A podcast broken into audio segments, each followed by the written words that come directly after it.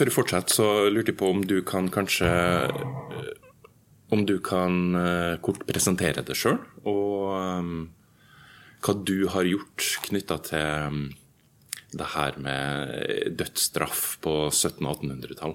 Mm -hmm.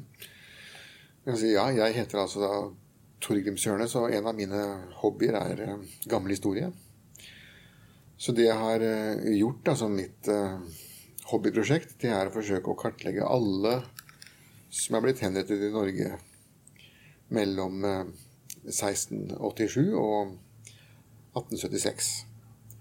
Så det er en prosess som fremdeles pågår. Så foreløpig så har jeg kommet ut med tre bøker, og den fjerde kommer nå til sommeren. Så nå holder jeg på med den femte i serien, da. Så da har vi kommet oss tilbake til 1759. Ja, eh, du sier det her er en hobby. Hva gjør du til daglig? Ja, jeg er gynekolog, så jeg driver til daglig og gjør ultralyd av gravide damer og veileder dem i svangerskapet. Så av og til sjeldne gang også fremdeles tar imot små barn. Ja.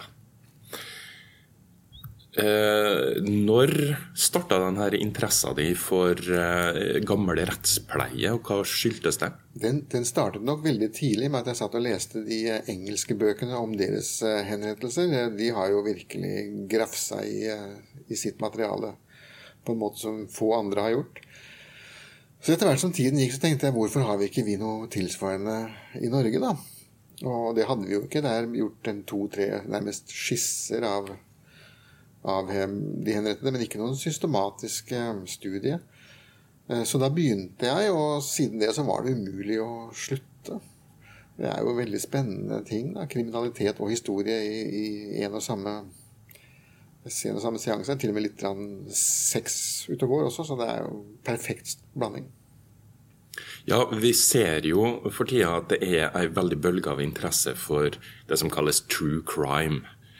Eh, både på, eh, i bøker, podkaster, dokumentarserier og den slags. Og kombinert med at folk har interesse for ofte litt sånn makabre historier. Der skyggesidene av historier så virker det som det er litt sånn en god kombinasjon, det her. Hva slags respons har du fått fra det lesende publikum? Hva er det som fenger deg? Ja, Utrolig eh, nok da så viser det at et flertall av de som skriver til meg, det er eh, da kvinner. Det kom som en liten overraskelse på, på meg da, at det var såpass mange interesser i den gruppen. Ehm, det som fenger dem, eh, har jeg inntrykk av, er nok det at det er true crime. At dette er faktiske mennesker som faktisk har eksistert og, og gjort alle sine ting. da. Men ellers er det noen er eh, Det som fascinerer noen, eh, syns andre er motbydelig. Og omvendt. Sånn at dette er et fag hvor jeg tror man ikke kan tilfredsstille alle. Og noen syns jo at det å, å, få nærgående skildringer av en hengning var akkurat det som reddet deres eh, lesende uke, mens andre syns at det kunne man godt kutta ut. Og overlate det heller til lesernes fantasi. Ja, Når det gjelder eh, vårt ene tilfelle, da, eh, så starta jo vi med det som var i sin tid et arkeologisk funn. I 1941 eh, så ble det altså funnet en hodeskalle på gården Vik på Ørlandet, Fosen, Sør-Trøndelag. I forbindelse med at tysk okkupasjonsmakt skulle utvide en rullebane der. Så ble det altså gjort et Eh, et funn av eh, to menneskelige skjelett som lå i ei lita jordfylt senkning.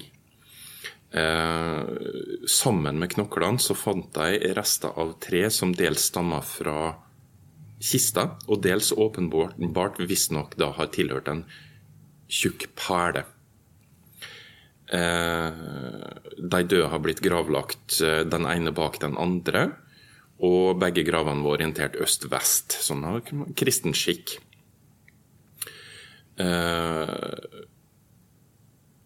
men hos begge så har altså hodet vært atskilt fra resten av kroppen. Og det ene kraniumet har eh, altså en spiker slått gjennom seg. Eh, som går eh, et stykke forbi øverste halsvirvel, som eh, ennå var en del av satt fast i, i resten av skallen. Um, Tolkninga av funnet syntes ikke arkeologene på den tida, i 1941, var særlig vanskelig. Eh, fordi det her visstnok var et gammelt rettersted. Det var informasjon de fikk av lensmannen der ute på den tida. At eh, plassen var kjent som et gammelt rettersted. Eh, sammenholdt med gammel rettsskikk da, om at skallen eh, Altså, eh, det var en straffemetode ikke sant, å hogge hodet av eh, forbrytere og så spike hodet på en stake. Eh, kan du si noe om hva slags forbrytelse var som, forbrytelser var det som kunne møte en slik straff? Den vanligste som kunne ende opp med hodet på stake, det var jo barnemordersker. Altså, det var to eh, paragrafer som rammet eh, de såkalte barnemorderskene. Den ene var de som, eh, som, fødte et barn i hemmelighet, og som så beviselig tok livet av det. Altså at man fant et barn hvor det var enten hogd av et hode eller skåret over en strupe eller mange andre måter de hadde tatt livet av dem på. Men så var det en annen gjeng med, med, damer som bare fødte barnet i stillhet, og man fant ikke noen merke på det, men det ble ansett for å være fødsel i dølgsmål. Og da sa faktisk loven at de skulle behandles som om de hadde drept barnet, da. En fødsel var altså noe man måtte offentliggjøre for å slippe unna straff. Og de eh, barnemorderskene, de som fødte i dølgsmål, de skulle da halshugges. Eh, etter hvert eh, med øks, ble det spesifisert og hodene skulle da spikes opp på en stake. Den skulle være mellom fire og fem alen over bakkenivå. Kroppene derimot skulle begraves på stedet. På, på rette stedet. det var da skarpretteren fra Trondheim i dette tilfellet da, som fikk jobben å, å utføre selve halshugningen. Mens derimot oppspikringen på staker ble gjort av nattmannen, altså for å si det på en annen måte søppeltømmeren. Eh, han skulle også begrave liket. Og det at den jobben akkurat kom til eh, nattmannen, var jo samfunnets måte å si at eh, disse menneskene var søppel. Og skulle behandles som så. Altså forakten for forbryteren gikk over graven, hinsides graven.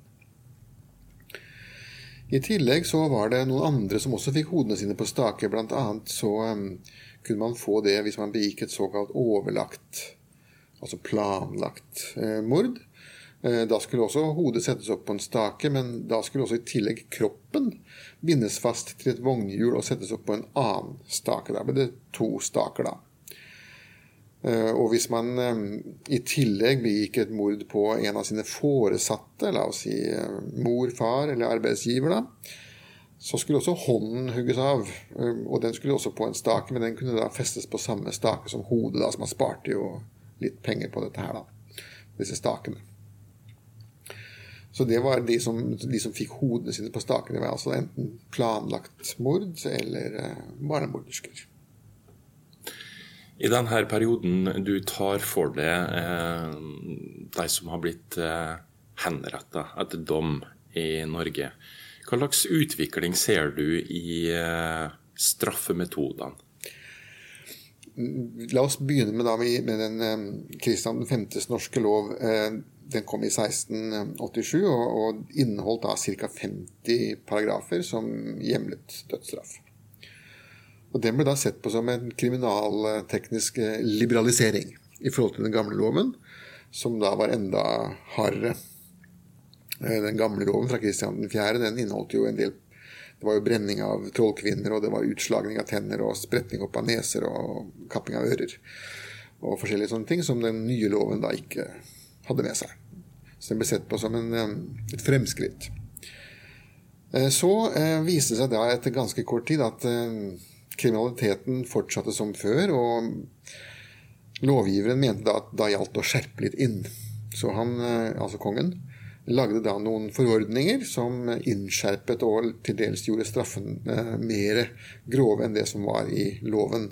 Det begynte med en forordning av 1690 som, hvor man skulle henge tyver.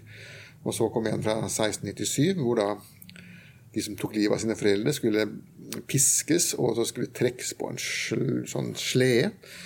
Så skulle de da brennes med, med, glødende tenger fem ganger før de da skulle hogges hånden av, og så hodet. Og så skulle alt sammen opp på steil og hjul. Og Det toppet seg da i 1749 da, med den såkalte forordningen om grunnløse mord. Det viste nemlig at noen mennesker de begikk mord i den hensikt å bli henrettet. Altså Dette var suicidale mennesker. Eh, og folketroen, ikke offisiell teologi, men, men folketroen på 1700-tallet gikk på det at hvis du tok livet av deg, så havnet du da i helvete og, og ble der. Mens hvis du derimot ble henrettet, så var det slik at da fikk du syndenes forlatelse av presten. Og så ble du halshogd før du rakk å synde igjen. Sånn at du var nærmest garantert å komme opp til paradiset. Et lignende tema dukker jo opp i, i Shakespeares Hamlet. Der står jo Hamlet og, og skal ta livet av sin uh, motpart, men uh, idet han gjør det, så hører han at motparten bekjenner sine synder. Og Hamlet sier da hva slags straff er det hvis jeg tar livet av han nå, for da går han rett opp til uh, himmelriket. Så han venter heller da til uh, gamlingen har fått syndet igjen. Eh, slik at eh, disse menneskene de måtte da straffes på en litt mer brutal måte for å avskrekke dem i å begå disse mordene. og eh, da ble det lagd to forordninger. Den ene fra 1738 som sa at hvis de var soldater som gjorde dette, så skulle de radbrekkes. Men hvis det var sivile, så skulle de da i etter forordningen av 49 behandles som om de hadde tatt livet av sine foreldre. Altså knipe med glødende tenger, trekking på slede, halshugging, hode og, og hånd. Tortur. Ja. uh, nå er det jo sånn at vi er ikke sikre på når hodeskallen er fra. Eh, arkeologene som undersøkte det her eh, på 40-tallet, de skrev at de antok det var fra 1700-tallet. Og hva de bygde den antakelsen på, har de ikke skrevet ned. hvordan ville du gått fram hvis du eh, hadde fått ei sånn sak i fanget for å, å begynne å og kanskje via eliminasjonsmetode nærme deg inn på hvem det her kunne ha vært? Ja, det viktigste måtte være å tidsfeste når, hvor gamle er disse skallene. Og det andre måtte være å finne ut av hvilket kjønn har de, og hvor gamle er de. Og den teorien som har vært ute og gått med disse skallene, er at de da stammer fra begynnelsen av, eh, av 1700-tallet. Altså mellom eh, Hvis vi sier mellom 1720 og 1730, så er, er, det fire personer som ble henrettet på det stedet der med halshugning. Eh, alle fire ble henrettet av, av Mathias Fligenring, bøddelen i, i, Trondheim, som senere ble gal og tok livet av sin egen datter. da. Hvis det derimot viser seg at det er før det, så sliter vi litt. Eh, fordi at eh, jo lenger tilbake du går, eh, så jo tynnere blir, blir de skrevne aktene. Og spesielt i det området som tilhørte godset Austrått. Rett og slett fordi at i resten av trøndelagsfylkene så, så var henrettelsene et rent offentlig fenomen. Og rettssakene også. Og man fikk kvitteringen fra fogden til bøddelen osv. Mens derimot på det godset så var dette en privat, til viss grad privat rettshåndhevelse, og der er ikke kvitteringene lenger så lette å få tak i. Regnskapene var private og ikke offentlige. Så der sliter vi litt. Ja. Eh, ja, for eh, hva var det det het? At Austrått hadde eh, hva de kalte det for, hånd- og halsrett? Eller? Ja, også kalt sikt- og sakefallsrett. Ja. ja. Det betyr, sikt- og sakefall betyr det at de hadde rett til å henrette etter dom, selvsagt. Da. Men de hadde også rett til å innkreve bøtene for det. Men de måtte da også betale um, skarpretteren. Ja. Uh, sånn at veldig ofte så ble dette et underskuddsforetakene, så vi har flere slike godsherrer som hadde sikt- og sakefallsrett, som ba pent om å få slippe å ha det. For at de som ble henrettet, hadde jo ofte ikke nåla i veggen. Eh, men, eh, sånn at det var ikke noe å hente på å henrette dem. Det var ikke noe økonomisk gevinst. Så etter hvert så ble jo hele dette avviklet, og staten tok over både utgifter og inntekter. Ja. Gangen i en sånn sak, la oss si at eh, hodeskallen da stammer fra en forbryter på eh, tidlig 1700-tall eh, som her ute i området har begått en eh, forbrytelse som, som, kan straffes med det her. Hvordan blir eh, selve saksgangen etter at forbrytelsen er oppdaga på den tida her? Eh, det er da først en, en såkalt tingrett. Eh, altså Vedkommende ble da først stilt for, for, retten i det området hvor vedkommende bodde, det, det som ble kalt for vedkommendes verneting. Og Der var det sorenskriveren som var dommer, og det var da fogden som var aktor. Så skulle de da etter en forordning fra kongen eh, formelt sett ha en forsvarer. Men det var ikke noe krav om at den forsvareren skulle være jurist. Det eneste krav var at han skulle være mann. Eh, og de fikk jo da mm, ikke noe betaling heller. Det var jo bare en jobb de fikk pålagt. Ofte var det lensmannen. Av og til var det noen mannlige slektninger. Og en sjelden gang, hvis det virkelig var en, en, som hadde penger, så kunne han kjøpe en advokat og ha en ordentlig forsvarer. Eh, så surra den saken der og gikk da i, i kortere eller lengre tid, inntil det falt en dom. Eh, så var det slik at fra 17 14 av, så skulle alle dødsdommer så appelleres videre til lagmannen. Eh, det var noe som kom etter den såkalte Nille-saken i Nord-Norge, hvor, hvor, man henrettet en dame som ikke hadde Man hadde verken lik eller, eller noen vitner. Det var bare et spøkelse som hadde angitt en, altså en poltergeist som hadde angitt eh, vedkommende, og hun ble da henrettet. Og etter det så sa kongen at nå ville han gjerne ha to instanser å se på sakene. da. Og det fikk man da. Lagmannen i, i, Trondheim så da på sakene, eller det ble tatt opp en hel ny rettssak i Lagtinget. Eh, og så viste det seg at de var heller ikke spesielt eh, alltid like vederheftige i det de drev med. sånn at fra 1735 av så, så sa kongen at eh, nå kan dere ikke henrette folk i det hele tatt, hvis ikke jeg personlig har sett på saken først. Eh, så når da kongen fikk disse sakene fra Lagtinget, så kunne han enten approbere dem og si at ok, sett i gang. Eller man kunne gå videre i neste rettsinstans, som var en såkalt overhoffretten. Og det var i Oslo, da, i Kristiania. Eh, og så så de på denne saken, og etter en stund så kunne de felle en dom. Og igjen så havna den hos kongen, og han kunne da si ok, nå har vi, vet vi nok. Eller han kunne sende den videre til Høyesterett. Den var da i København. Nå møtte jo ikke forbryterne der, da. Høyesterett de så bare på papirene. Eh, og de, de, møttes jo ikke engang som en rett. De, de, bodde i hvert sitt hus, og så sendte et bud de forskjellige fra, fra dommer til dommer. Og Så skulle da Høyesterett komme med en dom, og så skulle Høyesterett komme med en innstilling også om de mente at denne dommen skulle utføres, eller om det var snakk om en benådning. Og så kunne kongen da komme med en benådning. Og av og til så sa kongen ok, vi, vi benåder. Andre ganger så sa kongen eh, nå halshugger vi.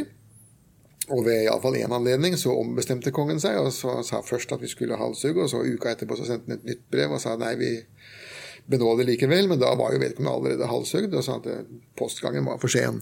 Eh, så, så, det var i gangen det var, det var flere rettsinstanser da enn det det er nå. Så man kan si at rettssikkerheten på 1700-tallet var jo høyere enn den er i dag. Og det er vel riktig også i og med at man hadde dødsstraff som man ikke kan når man først er utført, så får man jo ikke gått tilbake og få gjort den om igjen. Altså. Ja, eh, og når dette systemet eh, kommuniserte, og etter hvert som dommer ble anka oppover i, i, eh, i instansene, så gikk det en del brev fram og tilbake, tenker jeg, ikke sant. Og det her er den type kilder du har lett inn når du har skrevet dine bøker. Hva, hva er inntrykket ditt av lakuner og eventuelle altså Hvor lett er det å finne fram i kildene? Eh, det er ikke så forferdelig eh, galt. fordi at fra 1735 av som sagt, så har vi en oversikt over hver eneste sivil dom. Og vi har de fleste militære. Eh, men når det gjelder akkurat militære dommer, så finnes det fremdeles noen lakuner, som du sier. Det er noen år som er borte. Og når det gjelder de sivile dommene, så, så, er det også noen steder hvor papirene er brent opp for den ene rettssaken, altså f.eks. tingretten, da, men hvor man da kan gå inn i lagtinget og se der hva som foregikk, og vice versa andre veien. Men hvis man går tilbake fra før 1735, så savner vi den samlede oversikten over det totale antall henrettede. Da blir det mer gjetning, for da kan det tenkes at noen ble henrettet uten å ha gått via kongen. De måtte riktignok gå via stiftsamtmannen, men de arkivene er ikke så fullstendige. Og hvis du går tilbake fra før 1714 også, så, så eh, kan vel ingen hevde at de har en fullstendig oversikt over hvor mange som egentlig gikk med i dette landet. Hvor lang tid, eh, omtrent la oss si på 1720-tallet, tok en sånn prosess fra, eh, fra forbrytelsen var begått, og inntil den har gått gjennom alle instanser og selve henrettelsen fant sted? Vanlige, hvis du bodde i et noenlunde sentralt eh, strøk, var ca. et års tid eller så. Hvis du bodde i Nord-Norge, så tok det mye lengre tid. Lagtingene møttes én gang i året, og mm, overhoffretten kunne ikke ta saken før neste år. og Høyesterett kunne gå et par år til. Eh, så de satt ofte i varetekt i år etter år etter år. Jo lenger unna de bodde Oslo, jo lengre tid tok det. I tillegg så har vi et par-tre tilfeller hvor vedkommende klarte å rømme. Og var på rømmen i 10-20 år før vedkommende uforsiktig nok dukket opp igjen. Eh, og trodde at det hele var glemt, men det var det jo da ikke. Eh, sånn at Det verste tilfellet var vel en som het Nerold, tror jeg, oppe i Gudbrandsdalen. Han eh, klarte vel å være på rømmen i 25 år før han dukket opp igjen da. Andre, de Det var noe som de kalte for salvekondukte, men det var slik at hvis vedkommende hadde rømt, så kunne han be om et leidebrev, altså fritt leide, for å kunne forklare seg på tinget. Eh, og Hvis han da ble dømt likevel, så skulle han da få 20 dagers forsprang. Eh, innebar det. Altså Da skulle han settes på fri fot og få lov til å stikke ut i skauen. Og etter 20 dager skulle lensmannen forsøke å fange ham opp igjen. da, og Det var også noen som de sirkla også rundt inne i villmarka i Norge i årevis eh, før de til slutt enten ble fanget eller døde av, av seg selv. da. Tenk at vi hatt noe sånt i dag. vi har jo det på TV. Vi har jo sånne jaktprogram hvor det er sånne cowboy som sitter på hest og skal jakte på folk. Men da er det folk som sier ja til det, da. ja, ja, de, de sier kanskje ikke ja. Og de blir ikke henretta hvis de blir tatt. De får, Nei, de får bare ikke premie. Nei, man, de fikk jo ikke de her heller, da. Eh, vi har jo du har jo uh, veksla litt uh, e-post med oss tidligere om um, denne hodeskallen, og hva du eventuelt har snubla over når du har lett i kildene. For du har jo også skrevet ei bok om uh, Mathias Fligenring, mm. boka 'Bøddel'. Om skarpretteren i Trondheim uh, fra 1721 og fram til 1728. Eh, I den forbindelsen så har du funnet noen saker som har mulige kandidater til hodeskallen vår. Eh, F.eks. fra 1724. Ei Marit Kristoffersdatter Kvernstad henretta for barnemord. Eh, hodet slått på stake. Eh, og den saka har du jo skrevet om i, i Bøddel mm. også. Og så var det ei Anna ei etter Fligenring tid, Maren Siverts, Sivertsdatter Flatnes, som ble dødsdømt i 1730 for incest med sin stefar. Hun var da 17 år. Eh, det var kanskje ei sak du kommer inn på i en av dine kommende bøker? Ja, hvis, eh, hvis jeg lever så lenge, så skal den, skal den, den fram. Eh, fordi at disse incestsakene de er jo et eksempel på hvordan loven er blitt tolket stadig mer og mer liberalt. da. Du kan si På begynnelsen av 1700-tallet så, så henrettet man jo både stefar og stedatter. Etter hvert som årene gikk, så begynte man bare å henrette stefaren og lot stedatteren slippe løs. Og til slutt så lot man begge få eh, fengselsstraffer eller kortere tukthusstraffer. da. Så det var en av de første forbrytelsene som man begynte å lette litt på, på trykket på. da. Ja. Eh, Hovedteoriene våre òg var jo til å begynne med at uh, det her uh, kunne være ei um, ung kvinne uh, dømt til døden for barnemord. Um, så er det enkelte ting, fysiske funn ved hodeskallen, som gjør spørsmålet litt mer komplisert. Ehm, F.eks. En, en gammel observasjon som du kanskje har hørt om, at uh, denne uh, hodeskallen stammer fra en person som muligens har fått ørene sine skåret av mens personen fortsatt var i live. Og det var en straffemetode som kanskje ikke var i bruk lenger på 1720-tall? Eh, den var ikke i bruk, men det var fremdeles mulig å dømme folk til det. Men det ble, og det, det ble faktisk dømt en person til, eh, til å få skåret av ørene i fligningsdager. Eh, det var vel nede på, på Orkdal, så vidt jeg husker. Men det ble jo ikke gjort disse lemlettelsesstraffene ble det hele tatt eh, stort sett benådet fordi at hvis vedkommende ikke skulle henrettes, så måtte han settes til straffarbeidet. Og da gjaldt det jo ikke lemleste vedkommende, for da kunne han jo ikke arbeide. Så dette var for skjære av fingre og hender og, og, ører ble stort sett alltid benådet. Men før det, under kong Kristian 4.s eh, tid, så kunne man få kappet av seg både neser og ører. Han var ikke så finslig på det. Han brente jo opp trollkjerringer også, så. Det var litt hårdere bud under den kongen, men han var vel også stort sett full. Ja, det kan ha innvirkning på eh, rettssikkerhet, det. Eh, en annen ting som vi fikk høre når vi begynte å, jobbe eh, på, på Justismuseet, eller når vi fortsatt heter Rettsmuseet, da, var at det var en medisinsk utdanna person, vi har aldri fått vite navnet på denne personen, som hadde vært med på omvisning og kikka nærmere på hodeskallen, og meint å sett tydelige tegn på at den personen her har hatt Downs syndrom. Mm. Vi prøver å undersøke den teorien litt. Eh, psykisk utviklingshemma på den tida, kunne de eh, bli straffa ja. såpass hardt for eh, forbrytelser. Og hardere enn som så også. Um, det beste eksempelet er vel også fra Trondheim. Det er rett før, um, rett før Fligenring kom. altså hans forfaders Det var en som het Jon Kårlien, som, som, faktisk var tilbakestående, og som også så tilbakestående ut. Dommeren sier også at man kan jo se på ham at han er tilbakestående, så det kan godt ha vært Downs syndrom. Uh, I tillegg til Downs syndrom så hadde han også en helt Eh, umettelig kjønnsdrift. Så han hadde da hatt seg med eh, mener at det var syv kuer, to hopper og forsøkte seg på en geit. Og det var det han ble henrettet for da. Men han, det kan ikke være hans skalle, for han ble jo brent.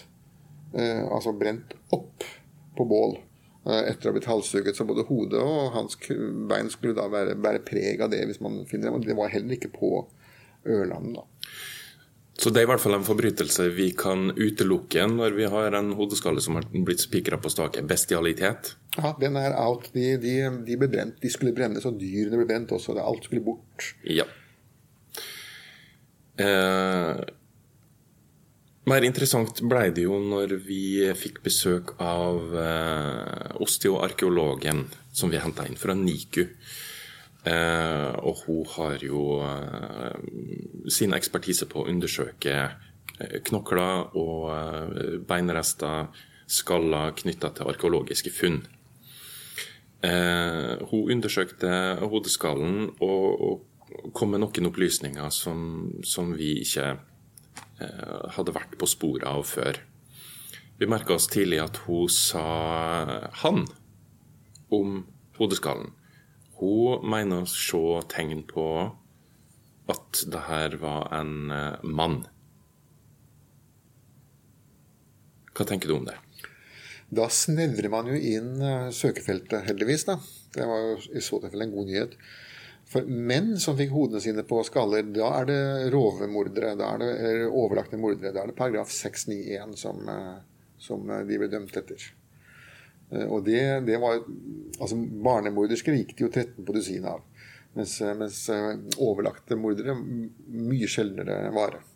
Så da går det absolutt an å pinpointe mye mer nøyaktig hvem dette kan ha vært. Ja. Eh, aldersmessig så eh, kikka hun på sånne ting som eh, visdomstenner som hadde kommet opp. Eh, så veldig fine ut. Eh, og, og, dessuten litt andre kjennetegn på hodeskallen, fontanellene bl.a., som eh, gjorde at hun mente det her var en ung mann. Eh, ikke noe yngre enn 18 år. Mest sannsynlig kanskje tidlig 20-åra. I hvert fall ikke eldre enn 30, hvis vi forstår eh, osteoarkeologen rett. Så det snevra jo også inn litt uh, mulig alder. Ja, og de hadde jo ikke noe sånn veldig sansen for å la være å henrette unge mennesker heller. Eh, Det yngste som de henrettet, var jo så vidt fylt 14. Eh, Loven sa at under 14 så kunne du slippe. Men fra 14 og oppover så hadde de ikke noen hemninger med å henrette dem der. Det var Slagordet som gikk da i retten, var jo at 'maletitia suppli', at eh, altså ondskapen erstatter alderen. Så hvis det du hadde gjort var ille nok, så spilte det ingen rolle hvor gammel du var. En annen interessant opplysning eh, for oss var at eh, hodeskallen bar tydelige tegn av alvorlig sykdom. Infeksjon som hadde spist i beinet, bl.a. i pannebeinet og her nede ved, ved øra og den slags. Eh, det skal vi undersøke nærmere. Eh, hennes første innfall på hva årsakene kunne være, var muligens kreft. Eh, I hvert fall en veldig alvorlig infeksjon. Har du snubla over eh, i saker du undersøkte eh, personer som har vært alvorlig syke, eller hvordan var det? Ja, og det var det at i og med at, som, som du sa i stad, nevnte disse rettssakene som tok så lang tid, og flere av dem døde jo underveis. Og når du snakker om, om infeksjonssykdommer som eroderer bein, så er jo syflisen som var svøpen den gangen, da, på 1600- og 1700-tallet. Den hadde kommet til Europa med Columbus og var da mye mer ondartet og aggressiv den gangen enn den er blitt nå. da. Kanskje fordi at sykdommen var ny, men også fordi at den traff en underernært og i utgangspunktet lidende befolkning. Eh, spedalskhet vil også kunne gi lignende. Og det var også veldig vanlig i Norge, spesielt i kyststrøk og sånne steder. Så det er mange og Vi hadde jo et eksempel hvor det var noen pirater oppe fra Helgeland som, hadde, som skulle dømmes til døden. Da, flere av dem ble også det. Hvor da legen kom med en attest og sa at den tiltalte kan kun bringes til retten iført enten en feltseng eller en romslig likkiste. Og han var da spedalsk. Så var, de hendte av og til at de var såpass dårlige at de rett og slett strøyk med før de kom så langt. Eh, med opplysninger i bakhodet om at osteoarkeologen eh, mener det her sannsynligvis er en mann, og tar et lite forbehold, men hodeskallen har klare maskuline trekk. Så kikka vi litt på uh, det her mulige kandidater fra Fosen som, uh, som, du hadde undersøkt. Der kommer vi bl.a. over uh, Paul Olsen og Guri Olsdatter, halshogga i 1737. Mm. Husker du noe om den saka? Nei, det må jeg slå opp, for det, det, jeg har jo databasen eh, liggende hjemme. Men det hørtes ut som en incestsak. Det er helt riktig. Eh, vi syns jo den er interessant fordi det ble jo funnet to um, individ her sammen. Eh, så det er klart den saka er interessant å følge opp videre for oss. Da kan man jo også gå på DNA-test og se om disse to faktisk var i slekt. Men nå var de fleste incestsaker den gangen var jo stedatter og stefar. så de behøvde ikke nødvendigvis være i slekt slik som vi oppfatter det. Men den gangen så ble det oppfattet som å være i familie. Når det gjelder eh, det andre skjelettet, de andre levningene og, resten av levningene til det individet her, så har vi eh, spurt Vitenskapsmuseet, og der er dessverre alt registrert som bortkommet. Mm. Det gjelder også det restene av trepålen og, og kista. Og det er jo selvfølgelig veldig synd, men det får vi ikke gjort noe med. Eh, en annen mann som dukka opp i kildene er fra, veldig, fra tidlig av, da, 1645 allerede. Det er en Mikkel Sernig. Ukjent forbrytelse, Fosen fogderi. Men 1645 da er det ikke like lett å, å lete fram i kildene. Nei, da blir, da blir, det en eh, tilfeldighet hvis det er bevart eh, noen brever om det. Så da må man bare gå gjennom brevbunker og se om du finner noen ting. Og hvis man ikke finner noe, så er ikke det noe nederlag. For det, det er, da er det mye borte. altså. Ja. Har du noe utfyllende spørsmål? Jeg har en del spørsmål. Så bra. Du skal bytte plass? Eh, jeg vet ikke. Jeg tror jeg har stilt den inn uh... okay, ja, ja, ja, Nysgjerrighet? Nei, det har jeg ikke.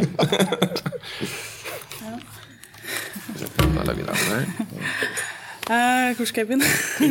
um, ja, jeg er veldig interessert i um, i hva slags folk det var det er snakk om. da. Og jeg lurte liksom på, Noe som folk spør meg veldig når de kommer på museet, er eh, om det er forskjell på rik eller fattig. For de vil gjerne vite det. Og det var det som det er i dag. Men det er flere grunner til at eh, det var det. Altså, Vi har jo eksempler på at rike mennesker også ble henrettet. Eh, for all del. Vi har jo fogden Povel Juel, som jo ble partert levende. Det var for landsforræderi. Og vi har Struen C, som ble partert, og osv. Så at og biskop Trolle, som har tatt livet av kona si. Men de aller, aller fleste var jo fattige. Og det er flere grunner til det. For det første så var de aller, aller, aller fleste fattige. Altså, det var så få rike mennesker. De, de var jo knapt nok eget politisk parti i Norge den gangen. For det andre, så er, hvis du er rik, så kan du oppnå det du vil på andre måter enn å slå i hjel folk. Eh, som Don Corleone sa, en advokat kan stjele mer med sin dokumentmappe enn en voldsforbryter kan gjøre i løpet av et helt liv. Eh, og for det tredje så forutsettes jo at hvis du har klart å skaffe deg penger på lovlig vis, slik at du er blitt rik, så har du såpass oppe i toppen at du ikke går rundt og og gjør sånne ting, da. Så ja, de fleste, var, de fleste var fattige som eh, ble henrettet, men man må også huske på at de fleste fattige ble ikke henrettet. De fleste fattige oppførte seg ordentlig og gjorde det de skulle. Ja, har du lest noe eh, som tyder på at folk flest syns det her var greit? At de ble henrettet og straffet på den måten? Har du lest noe i aviser eller noe om noen meninger fra ikke-jurister? da? Ja. Eh, det var da slik at på slutten av eh, den tiden hvor vi drev og henrettet folk, så kom disse tingene i avisen. Eh, kriminalreportasjer begynte å dukke opp fra midten av 1800-tallet. Før det så var dette ikke noe tema i norske aviser. Og Det som da skjedde, var at når det skulle være en henrettelse, så styrtet jo folk til. Det var jo tilskuermasse på 3000-5000 som sto og så på dette her. Og de la jo også henrettelsene til steder hvor det lot seg gjøre å ha store tilskuermengder. Folk klatret jo opp i trær, de satt oppe i bakker og på amfier og, og, og, så på det hele. Mens da den intellektuelle eliten, altså representert ved journalister og redaktører, de syntes jo ikke noe om dette da. De syntes at dette var et begredelig skuespill og mente at folk burde holde seg hjemme. Og den mest kjente reportasjen er jo fra Henrik Wergeland. Han skulle da bivåne henrettelsen av Christian Halvorsen for Morgenbladet. og han ser alle disse guttene som løper til for å se, og så sier han 'gå hjem'. Dette er jo ikke noe for dere å se på. Da sier de ja, men du har jo gått helt fra Eidsvoll for å se på, så det har jo ikke noe du skulle sagt. Eh, og ved alle disse henrettelsene så er det den samme folkloristikken som går igjen. at nemlig at når øksen faller, så faller småguttene ned fra trærne besvimt da. Det er en del av sånne ting som går igjen etter mange henrettelser. Blant annet så er det vel fire henrettelser i Norge hvor det står i bygdebøkene at den henrettede skal ha sagt til publikum at eh, ta det med ro, det blir ikke noe her før jeg kommer. Så det, Dette er jo legender som, som vandrer fra historie til historie. da. Det var ikke noen gode siste ord? Noen har noen gode siste ord. Bankraneren Martin Pedersen, hans siste ord var 'vent litt'. Og det var vel egentlig det beste som, som er blitt sagt på skafottet noen gang, tror jeg. Det var ganske bra. Ja. Um uh, jo, altså det var når du nevnte Nille og det der med spøkelse, så begynte jeg å tenke på sånn type bevisets stilling mm. på den tiden. Altså, Du er jo ikke jurist, men har du kommet over noen, mange saker hvor du syns at dette er helt latterlig at de blir dømt for? Er det ofte? Det er to måter å svare på det på. Altså, ja, jeg syns det er latterlig at et menneske ble dømt for å ha hatt sex med en ku. Ja. Eh, mens den samme bonden kunne slakte den kua og få ikke noe straff. Mm. Eh, men det var nå en gang forbudt. Altså Det sto nå en gang i loven uttrykkelig at dette skulle man ikke gjøre. Så at, sånn sett så var ikke dette noe justismord. Eh, det som slår meg på 1700-tallet, var at når det var en dødsstraff som lå i horisonten, så ble dommerne veldig nøye på å gjøre dette veldig grundig. Så de har faktisk ikke klart å finne en eneste eksempel på et såkalt justismord, hvor man altså da dømmer og henretter en person som ikke har gjort det han er blitt tiltalt for. Man ville heller slippe unna og slippe løs folk som med en i all overhåndtagende sannsynlighet hadde gjort det. Men hvor man ikke hadde det fulle beviset. Man måtte ha korpus delicti, det skulle være et lik. Det skulle også være en propria confesso, altså et, eh, en tilståelse. Det ble forlangt to vitner. Ett vitne var ikke nok. Eh, altså Kravene for å få dømt noen til døden var, var, veldig strenge, og de ble også håndhevet veldig strengt. Slik at eh, hvis man ser på som, det som kalles for vitenskapelig for type 1-feil og type 2-feil, så var det jo type 2-feil som dominerte. altså Man slapp de uskyldige løs. Sånn at jeg ennå ikke klart å finne én person som åpenbart var uskyldig i det vedkommende hadde gjort. Og så kan du si at men burde, den loven burde ikke ha, ha, vært der. Men det er en annen sak. Det er jo en sak mellom kongen og, mm. og hans ministre, da. Ja. ja. det er litt fascinerende. Jeg, tenker, jeg tror folk flest har det inntrykket at før i tida så gikk det bare på rykte, og så var det bare å anklage folk hist og pist, og, og så ble du på en måte bare tatt for det. Ja, det er i dag, det. Den var fin. ja. Um, jo, og så var det neste var um, Du nevnte det med at uh, folk ble tilgitt av presten, og så kunne de komme til himmelen og sånne ting. Um, jeg lurte på det at uh, var det, Hadde noe sammenheng med at du ble begravet på stedet og du fikk ikke en kristen begravelse? Hadde det en påvirkning til hva folk trodde skjedde med deg etterpå? Ja, altså Her er det et veldig stort skille mellom hva som var offisiell religion, og hva som var folketro. Eh, og dette med at du skulle komme til himmelen når du ble henrettet, det var jo folketroen. Eh, dette var jo ikke normal teologi. Eh, når man ble begravd i villmarken, så var det myndighetenes måte å si at dette var søppel. Dette ble begravd på samme måte som selvdøde dyr. At man bare spadde ned i, i myra. Eh, så dette var et budskap ifra Og man kunne også benådes til kristelig begravelse. Ja, det var mange flere som ble det. Da skulle de f.eks. begraves i kirkegården om natta. Det skulle begraves uten seremoni, f.eks., slik at presten skrev ikke alltid inn navnet i kirkeboka engang. Skritt nummer to da var at man kunne begraves utenfor kirkegårdsmuren, da, gjerne i det nordvestre hjørnet. Av en eller annen merkelig grunn så var det sett på som litt sånn odiøst. Så det utenfor kirkegårdsmurene ligger også noen begravd. Så var det da å bli begravd i villmarka, og så var det aller verste da å bli brent opp, slik at man bare forsvant. Og ifølge moderne teologi, også den gangens teologi, så betyr ikke dette noen ting. Du gjenoppstår med helt legeme likevel. Mens befolkningen hadde, så ikke så langt. Så at når, når Peder Ringeneie skulle halshugges ute i Bærum, det var så sent som i 1842, så det han var mest opptatt av de siste dagene, det var at det skulle være godt med høvelspon i kista han skulle ligge, for han ville ligge mykt. Eh, og så skulle kroppen hans ikke utleveres til medisinstudentene. Ja.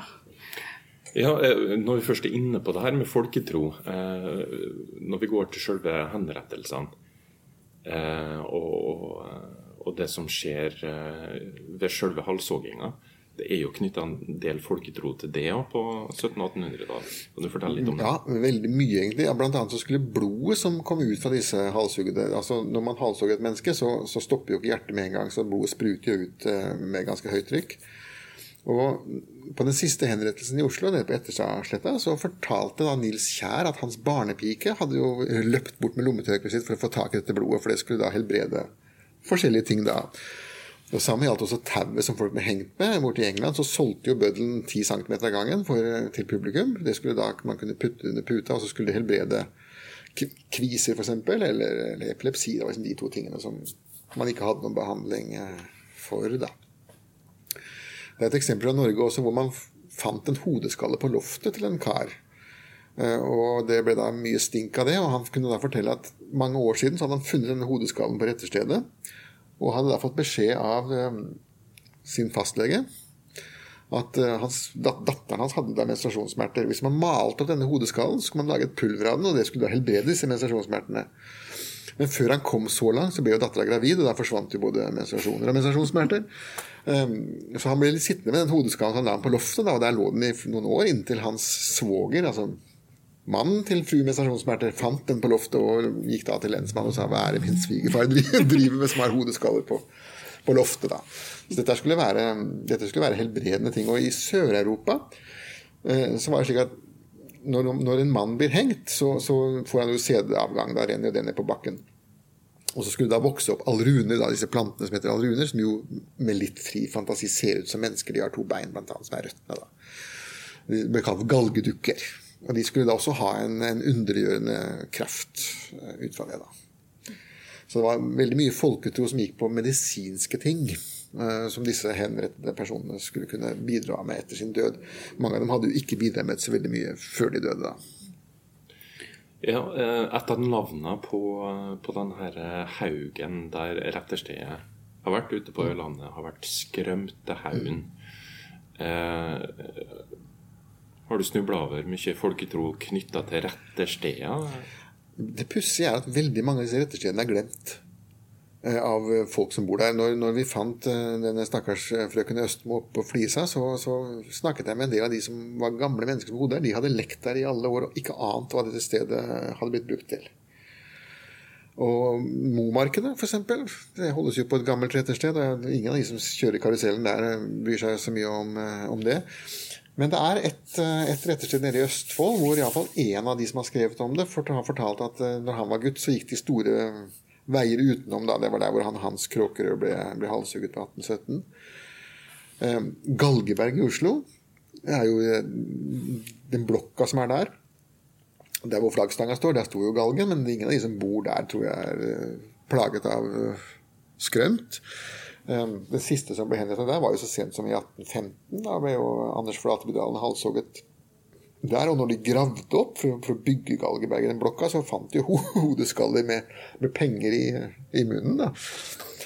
Det var en gammel germansk skikk at du skulle fraktes over elven til det hinside, så skulle du ha en mynt for å betale ferjemannen med. da. Men denne hodeskallen hadde jo da en eldgammel mynt som hadde gått ut på dato for lenge siden. Sånn kobber, kobberdanger fra Fredriks, kong Fredriks dager. da. Så at det er veldig mange rettersteder. Galgebakken i Kongsvinger er jo et meget fasjonabelt strøk. Tjuvholmen her borte, hvor de prøvde å henge folk, der bor jo fiffen. Så jeg har ikke inntrykk av at disse retterstedene er noe spesielt uglesett. Sånn. Sydneshaugen i Bergen, der er jo Naturhistorisk museum. Og Der påstås jo at den halshugde Anders Lysne går rundt og, og surrer, men med hodet på igjen. da. Han var jo så stri. han vet du, kongens, kongens ord kan må stå, men hodet mitt kan go. Han, han har tydeligvis satt på seg en hue etter at han døde. da. Så han vandrer rundt der, men det skremmer jo heller ikke de som, er, de som jobber der. Det har jo vært gjort noen flere funn av levninger ved, ved rettersteder. Har du hørt om det her Det ble jo funnet ei kiste i Flomålet ute på Ørlandet på Fosen. På 30-tallet, tror jeg det var. Eh, men der fant jeg ut hvem det var. Det var ei ung barnemorderske som de fant i Flomålet der. Eh, og det var en gammel type Altså det der med å begrave forbrytere i Flomålet. Hva er det som ligger bak den tanken? Det er eldgammel, en eldgammel skikk, og ikke bare norsk skikk. Den er jo felles europeisk, nærmest. Det var nok for å hindre folk i å, å gå igjen. Av, den grunn, av samme grunn så hadde de også langs kysten så hadde de retterstedene på holmer. Det var veldig populært å ha det på øyer. Ut fra den ikke moderne teologitanken, men at, at åndene ikke kunne passere vann. De, kunne, de var avhengig av landjorda. Og det å bli begravd på, på, på Flomål, som du sier, det er jo veldig gammelt. Og det er nok fra før, før kong Kristian 5.s lov, for han, han, hadde ikke det i sitt uh, repertoar. Det skulle enten kirkegården eller på retterstedet, eller i vill mark, som han sa. Hvis ikke det ble brent. Sånn. Dette må nok tilbake til 16, og for ikke å si 1500-tallet før det. da. Men det var jo noe for å forhindre den døde i å gå igjen. da. Um, ja, det var ett til um, Veldig fascinert av uh, den prosessen med, fra oppdagelse til døden. Mm. Og jeg lurte litt mer på uh, hvordan det ville vært å sitte i varetekt så lenge. Hvor det var, hvem som tok vare på, hvem som betalte osv. Jo, uh, det var sånn at den de første tiden så satt de i varetekt hos lensmannen. I kjelleren der. Og de fikk da to skilling i uken, tror jeg, å leve for. Og det var ikke så veldig mye. Så de frøys, og det var kaldt, og de var sultne, og det var så ille å sitte der i varetekt at det ble sett på som en straff i seg selv. Hvis du var i byen, så var det enda verre. Da ble du putta i fangehullet, og det var et forferdelig sted. som var mye verre enn lensmannsarresten. Slik at hvis de satt lenge nok, så ba de flere om, om nå vil jeg henrettes. Jeg appellerer ikke mer, jeg orker ikke mer av dette. Nå vil jeg bare halshugges. Altså, var, varetekten var så ille at de ikke holdt ut mer. Men på den annen side, disse lensmannsarrestene var ofte såpass skrøpelige saker at det var veldig forholdsvis lett å rømme. Så mange av dem rømte jo, og forsvant. Så at antall som skulle vært dømt til døden, er jo ikke på langt nær det antall som faktisk endte opp under øksa. Fordi at de var jo så dårlig bygd. Og det var jo bygdefolket som skulle holde vakt. Og når bonden fikk beskjed om at han skulle holde vakt, så sendte han ja, gårdsgutten. Og hvis gårdsgutten hadde et, en skilling, så sendte han en tolvåring. Eh, så det endte jo opp med at de som hadde minst forutsetninger for å være vakthold, satt og gjorde det da. Eh, og vi har jo flere eksempler på at eh, forbrytere tok livet av vaktene sine og stakk til skogs og ble borte. Det er jo tallrike eksempler på, på det. Så dette var dyrt. Det kosta penger. Det var veldig upopulært blant de som skulle sitte der og være vakt. Og som sagt, det var jo en tilleggsstraff. Så var han eh, fogden oppe i Nord-Norge, da, Randulf, han eh, gjorde en vri på det på 1700-tallet. Han brukte da disse fangene som personlige slaver på gården sin istedenfor. Og hadde da ikke noe hastverk med å få appellert saken, verken hist eller pist, for at han eh, utnyttet dem jo til fulle. I årevis kunne de gå der og trelle på, på gården hans. Det var på en slags lokal vinn-vinn-situasjon, for de ble jo da ikke henretta de kunne fremdeles leve og være utendørs til og med. Han hadde da gratis arbeidskraft. Så den eneste som ble lurt her, var jo kongen, da. Som til slutt måtte slå i bordet og si at nå måtte fogden slutte med dette tullet her og, og se å få la retten gå sin gang. Ja, eh, og eh, når eh, en dødsdom da på f.eks. tidlig 1700-tall har blitt bekrefta av konge, høyesterett, beskjeden går tilbake igjen til, til Fosen Eh, hva er den videre gangen for å få utført selve henrettelsen? Da sendes det budvern? Ja, da er det altså fogden som, som står som, som, ansvarshavende her. da. Det er hans jobb å gjøre dette. Så han skriver da til, eh, til sin overordnede, amtmannen. Amtmannen skriver til skarpetteren og sier at nå må du, og eventuelt da også med nattmannen, begi deg der klokken det og det. Nærmere angitt sted. Og skarpheteren skulle da ha fri skyss. Og la oss si at Hvis han skulle fra Trondheim og så ned til Romsdalen f.eks., så tok det seks dager. Og var meget kostbart. Noe som eh, f.eks. når de skulle halshugge Ivar Skiri eh, på midten av 1700-tallet. Så skulle han halshugges med sverd, og så dukker det da opp ned på Åndalsnes, og da kommer Ølstein fra Trondheim med øks. Hva skulle du da gjøre? Skal du tilbake igjen da, tolv dager til og så hente sverdet? og så, Det ble jo så dyrt, så da gjorde fogden det slik at han hadde håndsopprekning på stedet. Det er noen som har noe imot øks. Og selv ikke Ivar Skiri hadde noe imot øks. Han stemte ja, han også. Eh, så da ble det øks. Eh, så det ble gjort på den måten der.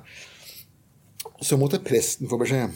Og det var Presten skulle da gå inn i fengselet og preparere den dømte til døden.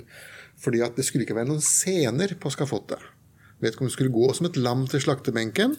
Ifølge kirkeritualet så skulle da presten stille spørsmål, og den dømte skulle svare ja. Eh, og alt dette skulle gå som smurt, da, så at presten hadde en veldig viktig rolle å hjernevaske da den dømte til å oppføre seg pent eh, på skafottet. Som en følge av det så var det ikke noe særlig hyggelig jobb. og den Prosten sendte da den videre til sognepresten, og sognepresten sendte den videre til kapellanen, og residerende kapellan sendte den til personlig kapellan. Det var alltid den som man vet i offentlig byråkrati fremdeles i Norge i dag, så avføring renner nedoverbakke. Eh, og dette havna alltid hos den nederste personen da. Og det, Fogden derimot, han forsøkte jo også av og til å slippe unna og delta på dette her, og sendte da en, en kontorist til en disklinspringer. Det var ikke populært. Han måtte stå der, for han skulle lese opp dommen. Så driver da presten og preparerer den dømte, og til slutt må presten si fra at nå er han klar, han eller hun.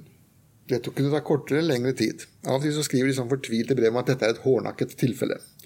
Og han er umulig, jeg kommer ikke videre med ham, og da fikk de bare dra han opp og halshugge ham likevel. da. Ved et par anledninger så klarer presten også å si det at jeg tror ikke vi skal henrette dette mennesket likevel, for det, det, er helt umulig å få vedkommende til å, til å akseptere at det er en synd. Da henter det et par anledninger at kongen sa nei, da får vi da la det være, da. Så det gikk an altså å, å vri seg unna uh, selv da. Så ble det samlet en stor milits rundt retterstedet. Og det var, eh, I byene så var det gjerne soldater eller eh, bevæpnet borgermilits. På landet så var det enhver voksen bonde fikk stille med det han hadde av våpen. da. Og Det var ofte litt senere saker. altså Rustne sverd og gamle spyd og muskedundere. Så skulle de stå rundt skafottet. Så drar de da denne dømte opp på skafottet. Der kommer skarpreteren, her kommer nattmannen. Alle er til stede. Presten gjennomgår ritualet, gir ham syndenes forlatelse, gir ham et glass vin. Det står også i ritualet han skal få ett glass vin, ikke to. Og Det står det også i at hvis den dømte da ber om et glass til, så skal hans tørst være til Jesus. står det. Presten skal si nei. Og På 17, tidlig 1700-tall så var det en del hvor de drakk såpass mye at det, var flere som drakk. sånn at det, det ble et litt spektakel av dette her. og Det var derfor denne regelen var kommet. da. Man får et glass vin. Eh, noen holdt da en kort tale. Eh, og det er litt merkelig, for dette var jo ofte analfabeter med veldig lavt sivilisasjonsnivå. Plutselig så holder de blomstrende taler med, med innfløkte setninger. Så man mistenker jo at noen andre har skrevet dem da. Det ble også solgt viser. Noen hadde skrevet viser, var veldig vanlig. Eh, og, og de visene var alltid slik at de har vært skrevet av den domfelte selv. da. Og det var jo aldri det. Det var jo skrevet av en han skulle tjene penger. Eh, men det ga et lite ekstra kick å si at dette var eh, Så de ble solgt da rundt forbi. Vi har bevart mange av disse her guneriske samlingene. Så eh, hogger man da av eh, hodet, og så går da skarpretten et skritt tilbake. Da har han gjort sitt. Nå er det nattmannen som tar over. Det er nattmannen som skal heise opp på steile og hjul eller spikre fast hoder eh, og sånne ting. Når det er gjort, så kommer da oppgjørets dag. Da går både fogden og skarpretteren og nattmannen sammen og betaler. Det vil si, i fligningsdager på 1720 så forlangte Fligning alltid forskudd. Han sa 'jeg skal ha penger nå, ellers blir det ingen eksekusjon'. Eh, og det var av bitter erfaring. For at når først henrettelsen var skjedd, så var det en del fogder som da plutselig ikke hadde så veldig travelt med å betale. Det er også litt frustrerende for de av oss som leter etter kvitteringer. at det kan ofte Fem år etterpå så kommer da utbetalingen. Så man må lete gjennom veldig mange papirer for å, for å finne det. Da Da er det bedre med sånne som Fligning, som skulle ha det cash på labben før øksen falt. Og når det var gjort, så gikk alle hver til sitt, og skafottet ble stående der enten til det datt sammen, eller til plankene ble brukt til noe annet. Eh, for eksempel så oppe i Lofoten så brukte de vel som veifyllinger, eller de kunne brenne det opp, eller kunne bruke det til hus. Hodeskallene sto da på stake inntil de datt ned av seg sjøl, eller en eller annen stjal dem. Eh, og hodeskallen vår, den ble jo funnet eh, nedgravd. Mm. Eh, ville det blitt gjort av, av, noen lokale der ute? Ja, f.eks. så eh, når man går rundt på disse retterstedene, så fant man disse hodeskallene, og da kunne man grave dem ned. Eller i ett tilfelle så ble det tatt med hjem og murt inn i en, et steingjerde. Eh, det var grunnen bare å få det vekk fra, bakken. Altså, det var ikke noen regel om at de skulle graves ned. Tvert imot, de skulle stå der til skrekk og advarsel, for det var hele poenget. Folk skulle se dem. Det skulle være høyt oppe, og slik at folk skulle ta avstand fra det som hadde gjort, og ikke gjøre noe lignende. da. Men etter hvert som de, som de datt ned fra pålene, så ble de også etter hvert begravd. Da. Det kunne f.eks. være slektningene, selvsagt, som, som syns at nå, det, nå har Veslana ligget lenge nok her, så nå får vi vekk. Ja, det med slektninger er jo veldig fascinerende, for du antar at det var vel litt sånn eh, dårlig rykte på dem etterpå? At det gikk litt sånn den som kjenner den som ja, halshogd? Ja, og flere av de som, de som ble halshugget, så gikk det jo ikke så veldig bra med resten av familien. da. Vi ser i kirkebøkene at f.eks. faren plutselig ble funnet død på jordet noen måneder etterpå. Hvor, mistanken om selvmord er jo enorm. ikke sant? Men eh, den gang på 1700-tallet så var jo det en katastrofe for den dommen over seg. Da skulle du også begraves i villmarka. ikke sant? Mm. Eh, men så er det andre da, som tar dette med stor fatning, eh, og, og, som gifter seg igjen og får barn og familie, og som tilsynelatende har gått litt sånn sporløst henover dem.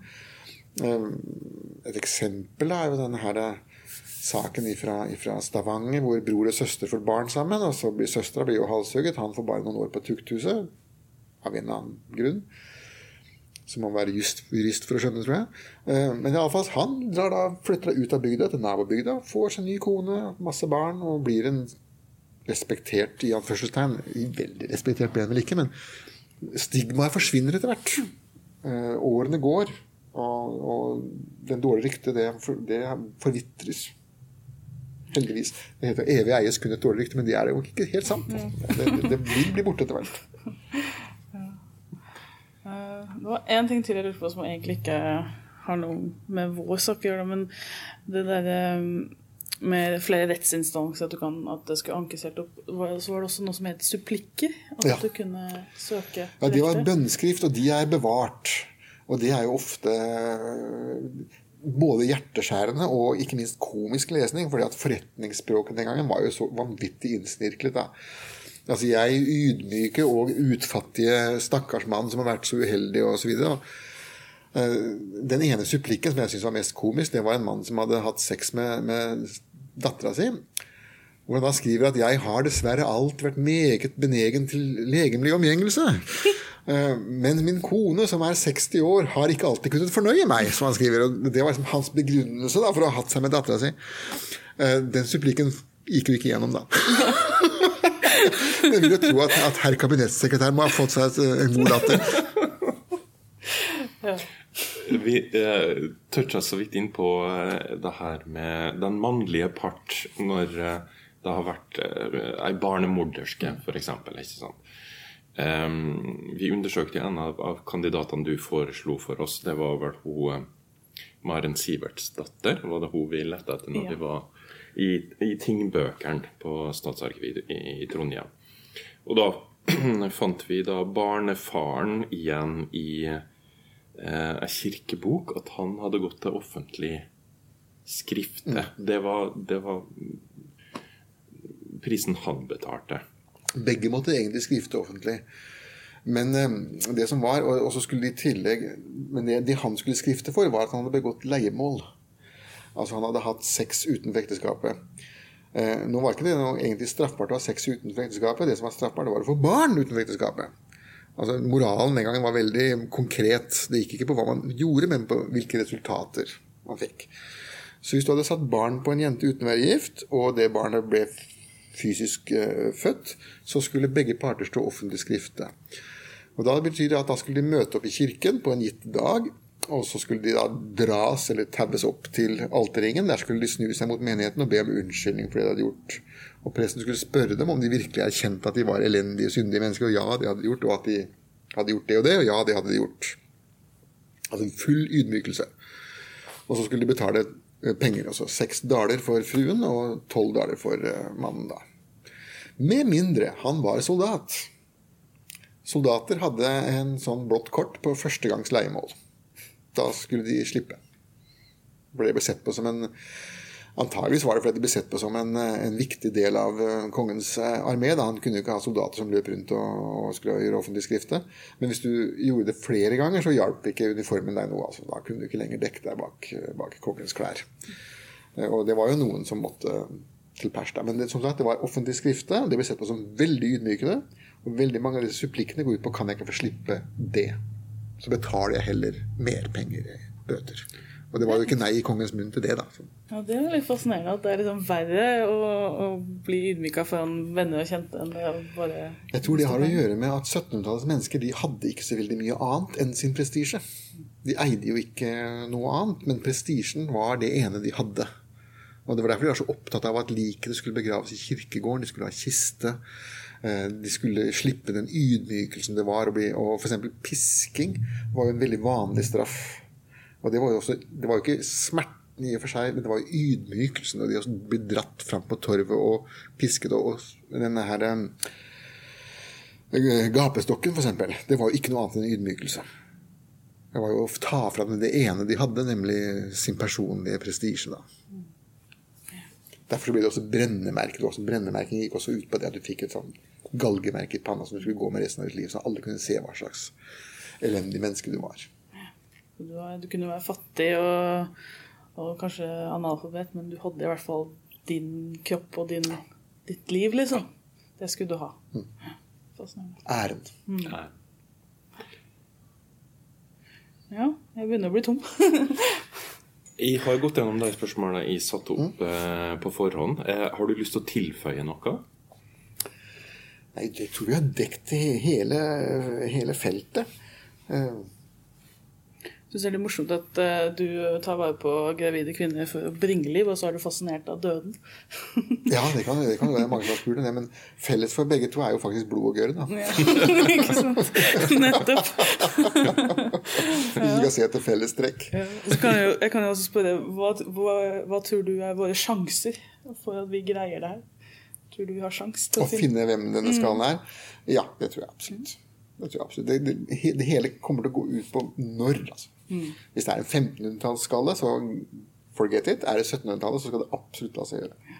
Bare... Da, ligger, da, ligger, da ligger fasitsvaret et sted i Statsarkivet i Trondheim. Ja. ja.